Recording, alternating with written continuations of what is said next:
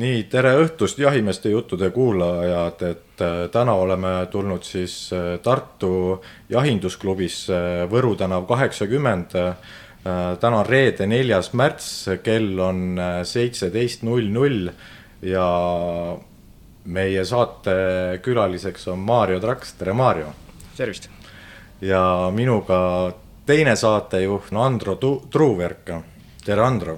tere enne kui me asume Marioga rääkima siin vibujahist, äh, siis tahaks tänada Androt, et äh, Andro võttis kätte ja, ja on meie jahimeeste jutud nüüd äh, suutnud Spotify'sse panna ja, ja, ja mõnda muusse kohta veel, et äkki sa räägid, Andro, sellest mõne sõnaga?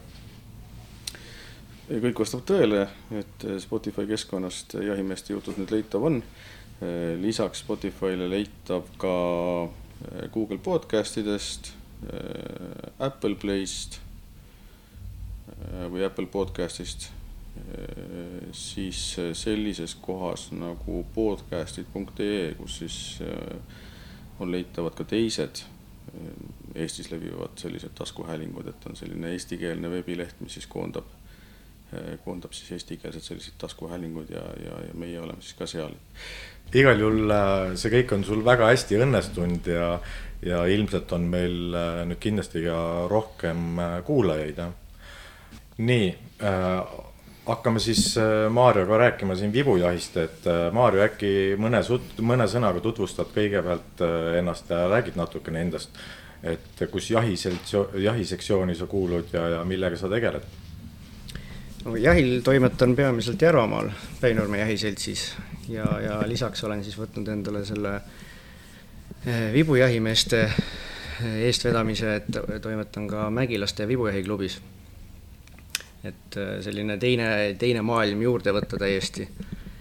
ja, ja põhitööna olen Riigimetsa Majandamise Keskuses maastikuseire peal ja, ja siis on siin mõned projektid veel globaalsete jahikommuunidega, millega aktiivselt toimetan aga ütle, kust maalt see jahinduse pisik sulle sisse tuli, et, äh, et äh, ja, ja see vibujaht, et äh, kas see on nagu lapsest saati tulnud, et mängisite indiaanlasi, et, et vibud on jäänud kummitama?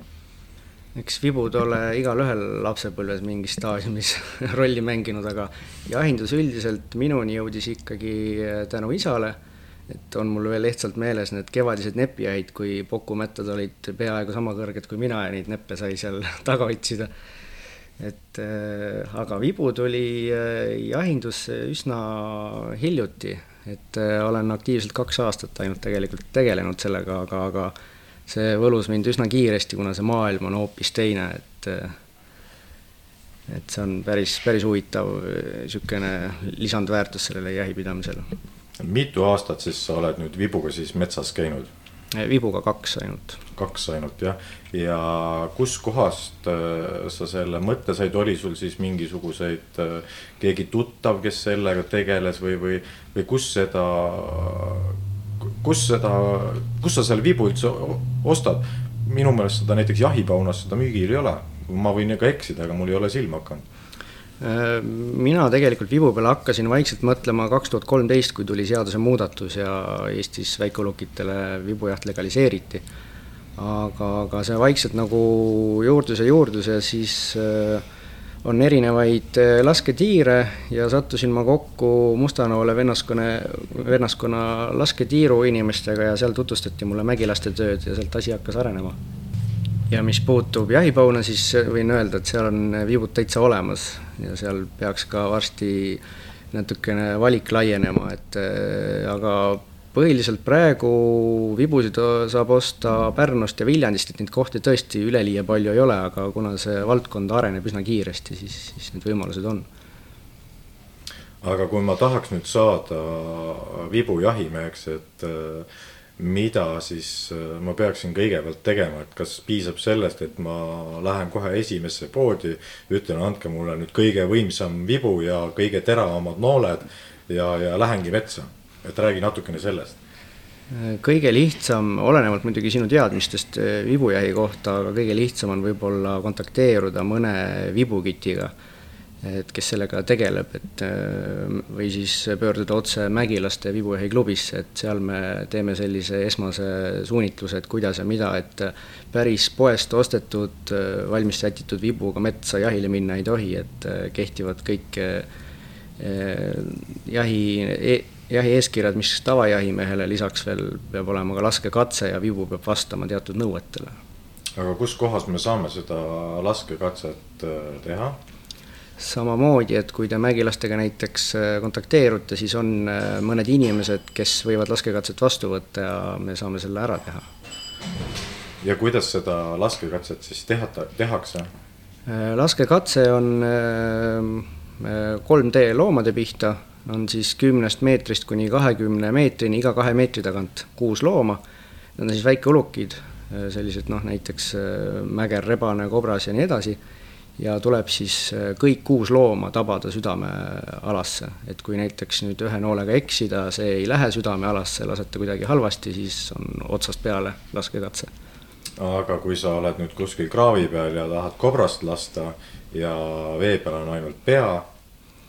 Äh, kui ta nüüd tõesti ainult pea on ja seda kere nagu väga hästi silmata ei ole, siis mina soovitaks oodata paremat momenti, aga, aga üks eelis vibujahil on see, et kuna nool ja viburaam on nööriga ühendatud, siis vette laskmine on täitsa võimalik. aga seda kere tuleb natukenegi näha, et kas või turjapinda, siis sa oskad arvestada ja, ja selle looma saab üsna hõlpsasti lühikese maa pealt kätte, et seda ohtu üldjuhul ei ole, et see loom ära kaob.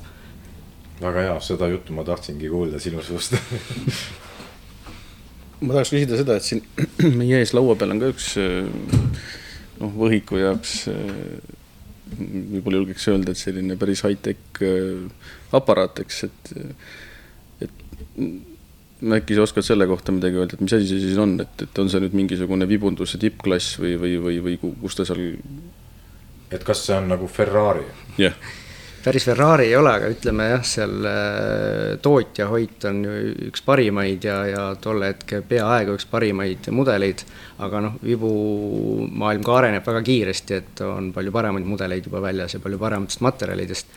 aga hea vibu on ta igal juhul, et äh, nagu näha, ta pealt vaadates tundub üsna keeruline, et erinevaid juppe on palju ja neid kõiki ei hakkakski siin üles lugema aga noh, põhiline ongi see, et äh, kaheksakümnendatel tuli selline suur edasiminek vibujahinduses, kus äh, traditsioonilised pikkvibud siis asendusid aeg-ajalt äh, plokkvibudega, millel on siis tugevam laskejõud ja, ja nendega on võimalik pikemalt sihtida, ilma et see kogu raskus sul käe küljes oleks.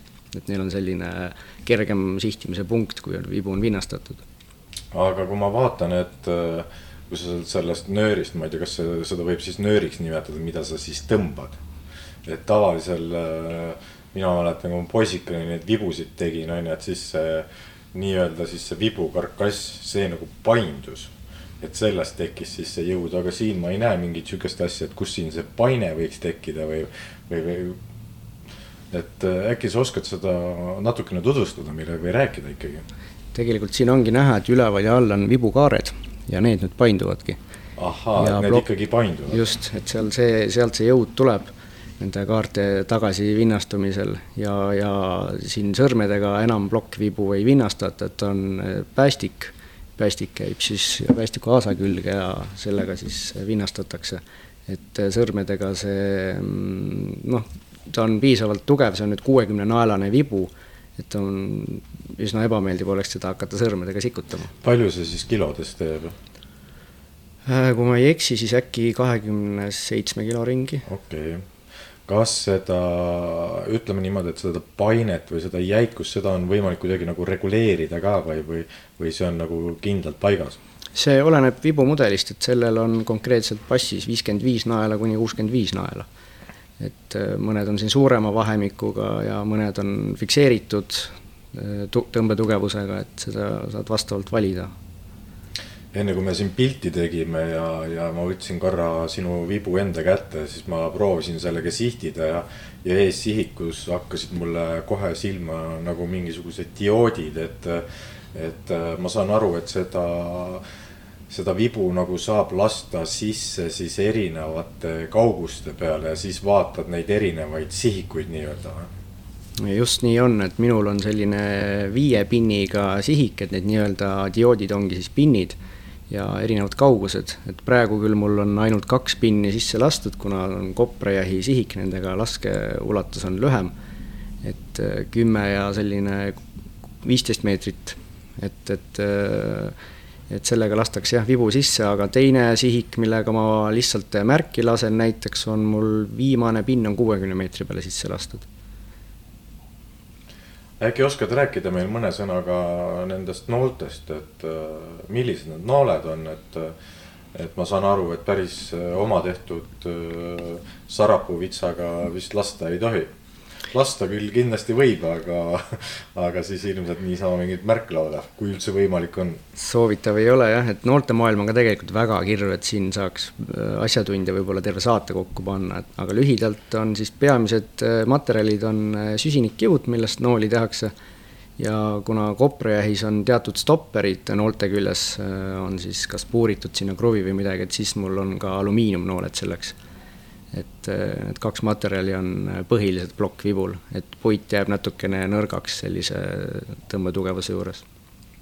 aga siis on ikkagi, ma saan aru, et kuskil siis vibujahi seaduses on kõik ikkagi täpselt paika pandud, kui pikk peab olema noor, kui raske peab olema noor. mitu siis seda kruvi või kida peab seal otsas olema, et kui kobras kütib absoluutselt, et pikkust eh, kui nii ei ole, aga just kaalud ja lõikurotsiku diameetrid ja need on kõik eh, sätestatud. tead, kui ma käisin, eh, õppisin jahimeheks ja jahimeeste kursustel käisin, siis mul on sellest ajast meelde jäänud, et et vibujahimehel peavad olema kõik vibunooled peavad olema siis kuidagi markeeritud kas siis peaks olema seal sinu siis mingi a la jahitunnistuse number, noh vaevalt, et jahitunnistuse number, aga et mingi sinu markeering peaks seal peal olema või? ei, väga õige, jahitunnistuse number on nõutud nii viburaamil kui ka noolel. et Aa, see okay. peab olema tagantjärgi tõestatav, kellele kuulub see vibu ja kellele kuulub see nool. et ühtegi noolt metsa niisama kaotada ei tahaks, et sinu andmed on seal peal aga ega siis noolt on nagu raske kaotada, kui seal on ikkagi ju seal mingisugune nöör või kuidas seda nimetatakse, on seal ju järgi sellel noolel? Äh, koprajahil üldjuhul nooli kaotatakse vähe, et äh, ka minul on isegi, kui ma peaksin äh, pikema distantsi pealt laskma, siis minul on elektroonilised nokid ehk siis need tagumised osad, mis laskmishetkel hakkavad helendama, et need leiab hämaras üles ja, ja koprajahis jah, on laskedistantsid nii lühikesed, et äh, seal nööri järgi vaatad kohe, kus see nool on ja halvemal juhul pead lihtsalt teisele poole kraavi ujuma järgi sellele noolele ja välja kaevama. ei, aga sellel noolel on ju see nöör seal taga kinni ju. just et see nii-öelda see nöör võib siis sealt tagant ära tulla lihtsalt ei, äh, jah, muidugi, kui sa lased, äh, mul kogemus puudub, aga kui sa lased tõesti nii halvasti, et lased üle viieteist, kahekümne meetri, et sul nöör saab otsa, siis ta kindlasti rebib selle nööri puruks Assaraks. ja palju need, äh, palju see komplekt üldse maksab või palju vibu maksab, äh, ma nüüd ei küsi täpselt sinu vibu hinda, aga, aga kui ma tahan nüüd äh, vibu jahimeheks hakata ja, ja mis, millise rahaga ma peaks siis arvestama, et mis see mul kõik maksma võib minna?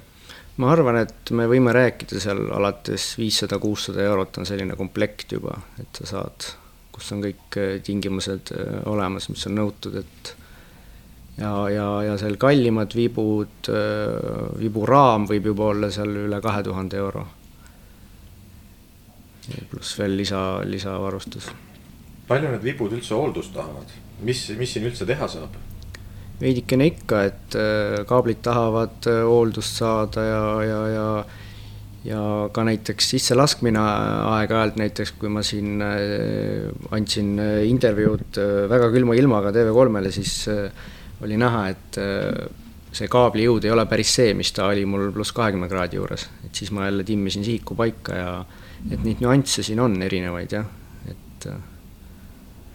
ja vibulaskjal siis, vibujahimehel, kui tihti tal laskekatsed on? Iga kahe aasta tagant, nii nagu on suuruluki laskekatse.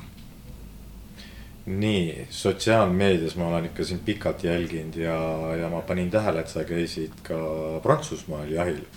kas sa oled meile nõus natukene sellest ka rääkima?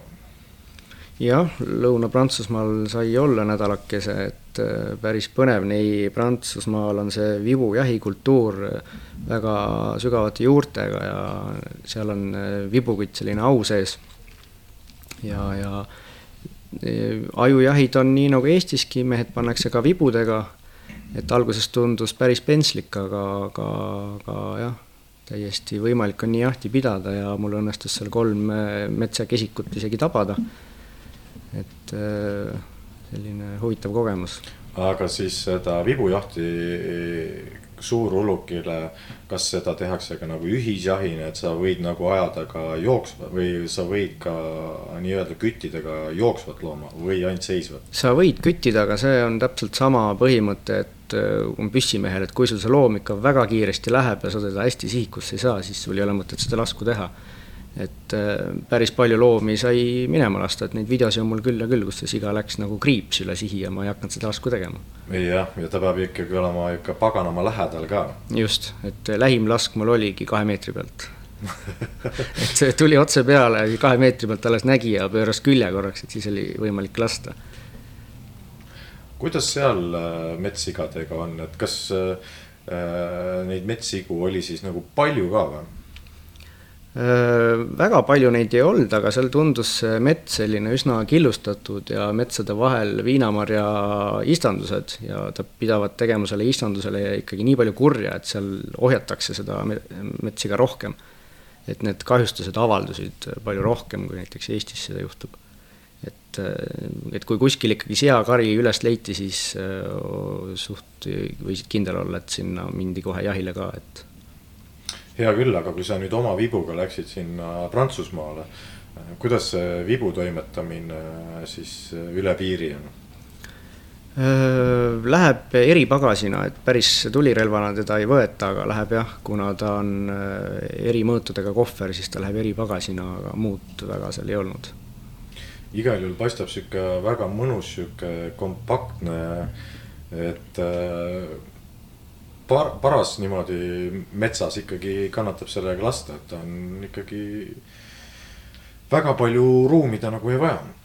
no see kompaktsus on ka suhteline, et kui ma nüüd räägin, et ma lähen näiteks püssiga koprajahti, siis mul on lihtne võtta kohvrist see püss autost ära laadida ja kõndida kuskile kuhila juurde, aga vibuga on ikkagi see, et sa tihtipeale paned talle eraldi veel äh, nööri külge ja siis valid noole ja noole sätid külge ja siis, kui sa kõnnid sinna, siis tihtipeale seda noolt seal peal ei saa hoida, kui sa vähegi kuskil põõsaste vahel käid, sest ta hakkab sul, nii nool kui kaablid hakkavad takerduma igale poole, et selles suhtes on ta nagu ebamugavam näiteks hiilida või kuskile laskepaika minna. et see on ka sama põhjus, miks ma olen rääkinud, et äh, salaküttimiseks on vibu üks halvimaid variante, sest sul ei ole võimalik kiiresti temaga toimetada, et et kui sa isegi autoga kuskil sõidad ja tahad kiiresti lasta, see on suhteliselt võimatu ja need laskekaugused on nii lühikesed, et see loom on sind ammu näinud ja ära läinud. kuidas on noh, ütleme nüüd Prantsusmaal, kus sa käisid, et et kui ma siin Eestis lähen teise sektsiooni jahti pidama, siis kui ma lähen, ma saan aru nii, et kui ma lähen suurulukijahti, siis piisab jahинimekirjast, kui ma lähen väikeulukijahti, siis väljastatakse väikeuluki luba kuidas äh, Prantsusmaal ja selles piirkonnas on, kus sina käisid? Äh, ma ei oska sulle juriidiliselt nii täpselt nüüd öelda, kuidas need dokumendid on, et kohalik kontakt äh, aitas meil vormistada kaks jahilitsentsi, mis kohapeal nõutud olid. ja, ja, ja nendega olid siis tagatud need loomad seal kõik, aga, aga kuidas seal kohapeal nüüd, et noh, suure tõenäosusega jah, need litsentsid on erinevad, et kui sa ikkagi külalisjahimeheks lähed, ma arvan, et seal tuleb soetada see teine litsents. keda siis sina küttida võisid? Äh, meil oli metskits, siga, rebane, nutria ja siis lubati ka punahirve, aga seda oli seal üsna vähe. no üks mees vist sai nutra ka kätte. jaa, üks nutria õnnestus meil tabada, et äh, nutra jahiga läkski nii, et äh, metskitse jahist tulin hämaras ja vaatasin, et põllu peal on mingid tumedad kogud ja siis, kui lähemale kõndisin, vaatasin, et siukseid väikseid kopraid on terve põld täis ja siis äh, kirjutasin ruttu kontaktile, et äh, mis siin toimub, et kes need on, et äh, aimasin ka, et Nutriad aga ei julgenud pakkuda, ütles, et jah, et Nutria invasiivne liik meil, võõrliik Euroopa Liidus üldse. et kui vähegi saad, palun lase.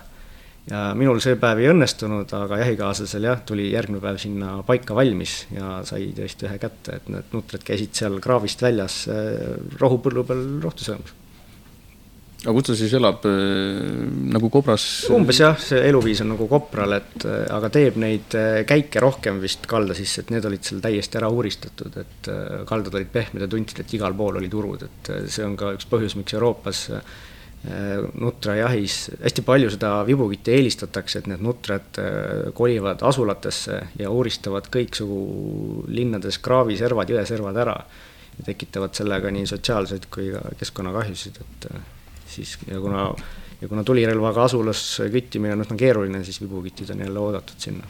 kas te seda kütitud nutrit sõite ka? ei söönud aga mis, mis kohalikud teevad selle nutriga, kui need äh, kütivad?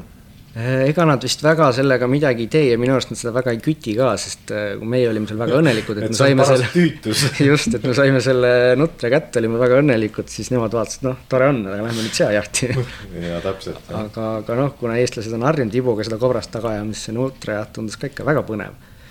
ja, ja kuna põllu peal laskmine ja seal ei olnud nöör kohustuslik, siis oli nagu see laskeulatus natuke kaugem jällegi et äh, väga põnev jaht tundus. oota, aga mida see, mida see nutter seal põllu peal siis sõi? Äh, värsket rohelist. see, seal on see kliima üsna pehme, et seal minul tekkis tõesti kevade tunne, et. no kui te seal praegu käisite, ma arvan, umbes sihukesel ajal need panevad kartulid seal maha juba suhteliselt jah, seal oli niisugune, et äh, korraks viskas isegi pluss kuusteist, et nende Eesti jahiriietega oli seal päris palav aga kui näiteks kobras käib suvel angervaksa söömas, aga kobras valib selleks kindlasti sellise noh, angervaks on ju kõrge taim, et äh, ta on seal vahel varjes, aga see nutre oli seal lagede peal. oras või mis iganes äh, seal oli, heal juhul kümme sentimeetrit kõrge, et oli seal hästi näha. no palju neid oli siis? mina nägin vist esimesel õhtul seitse või kaheksa oli seal. korraga väljas? korraga väljas, väikse lühikese jupi peal. et see ehmatas päris ära vaadatakse siis, kuidas see vibujaht suurhulkiga päriselt toimib. väga küsime. Maarjo, aga räägi veel äh, sellest vibujahist, et äh, kas on mingisuguseid uuringuid tehtud ko koos jahimeestega, et kuidas seda peaks reguleerima või, või kuidas seda asja paremaks muuta või, või midagi peaks nagu teisiti tegema? Jaa, neid uuringuid äh, on tehtud ja tehakse jooksvalt päris palju Euroopas, kuna see vibujaht läheb üha populaarsemaks et äh, näiteks siin Taanis, Soomes ja Hispaanias äh, need uuringud erinevatele loomadele on üsna paljutõotavad, et äh, siin on välja selgitatud äh, see näiteks veaprotsent ehk siis jahipraak, mis on umbes neli protsenti kokkuvõtvalt. ja kui nüüd võrrelda tulirelvaga Euroopas, siis on seesama neli.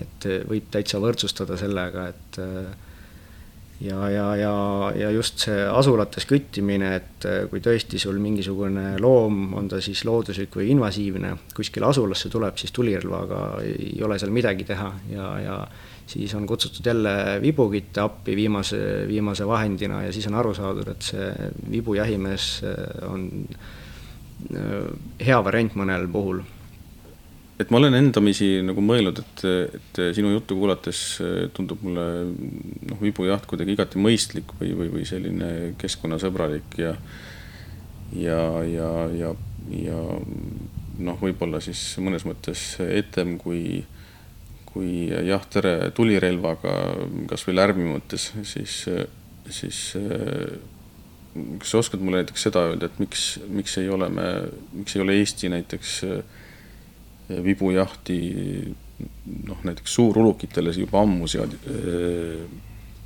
seadustanud? ma ütleks selle kohe ära, et ega vibu tulirelva täielikult asendama kindlasti Eestis ei hakkaks, aga, aga aga see põhiprobleem ongi selles, et kuna vibukütte on suhteliselt vähe veel ja igasse Eesti nurka me ei ole veel jõudnud sellest rääkima, siis inimesed ei tunne seda, ei tea seda minagi siin kolm-neli aastat tagasi, kes vibust midagi ei teadnud, siis ega mingit vaimustust, kui ma seda nägin kuskil, siis ei tekkinud. et kui sa ikkagi, kui keegi sulle räägib kõrvalt, kuidas sellega lastakse, et ta on niivõrd vaikne, seal on taaskasutus, samad lõikurotsad, samad nooled mitme lo loomaga, et seal on selline ökoloogiline jalajälg juba väiksem, et siis sul hakkab see tekkima, see huvi selle vastu praegu siis ikkagi järelikult nõudlus on, nõudlus on väike, et, et seda, seda ei ole nii tugevalt nagu päevakorda tõstetatud ja ei ole ka seda võib-olla nii palju räägitud siis. et kui, kui neid vibujahimehi võib-olla oleks siin kolmsada või nelisada või tuhat, et võib-olla siis need asjad muutuvad kiiremini just, et ega see nõudlus ongi täpselt selle teadlikkuse piiri peal, et äh, kui sa ikkagi räägid inimesele vibust, kes vibust siiani midagi ei teadnud, äh, sul on aega pool tundi temaga juba rääkida, siis näed ta silmis kohe ära, et see huvi tekib, ta juba avastab seda maailma. et äh, nii ta on jah, et eks see ole üle Euroopa ühtemoodi, et ta vaikselt, see trend tõuseb kogu aeg aga sa ütlesid, et sa mõned aastad tagasi noh, ei teadnud vipust midagi või, või, või ei osanud nagu midagi arvata, siis mis, mis juhtus, et mis hetkest sa nii-öelda müüdud mees olid? minu esimene selline klõps peas käis siis, kui äh, Mägilastest üks äh, vibukütt andis mulle küll treeningvibu, millega me tiirus lasime, andis kätte ja kümne meetri pealt lasin märki ja kui ma lasin kõik nooled äh, sinna umbes kolme sentimeetrisesse ringi sisse siis ma sain aru, et aga pagana pihta, et selle sihikuga on ju täitsa võimalik lasta. et eh, minu silmis oli see vibujaht alati selline, et eh, võtaks see traditsiooniline vibu, see on selline vaistuvibu, kus sihikut ei ole ja põmmitakse, et tegelikult nii ei ole, et eh, väga täpsed sihikud on juba peal ja nendega on võimalik jahil väga edukalt käia. nii, aga tõmbame siis tänaseks saate otsad kokku, et äh, mul on hea meel et me saime su lõpuks enda saatesse, ma tean, et äh, aasta aega tagasi juba siin suhtlesime ja kogu aeg oli kiire, kiire ja. ja pole aega, et aga nüüd sai meil Marioga saade tehtud. Äh, kohe salvestame uue saate otsa, räägime siis äh, peibutamisest. nii et jääge ootama. aga tänud, Maarjo ja Andro ja kuulmiseni. Kuulmiseni. Kuulmiseni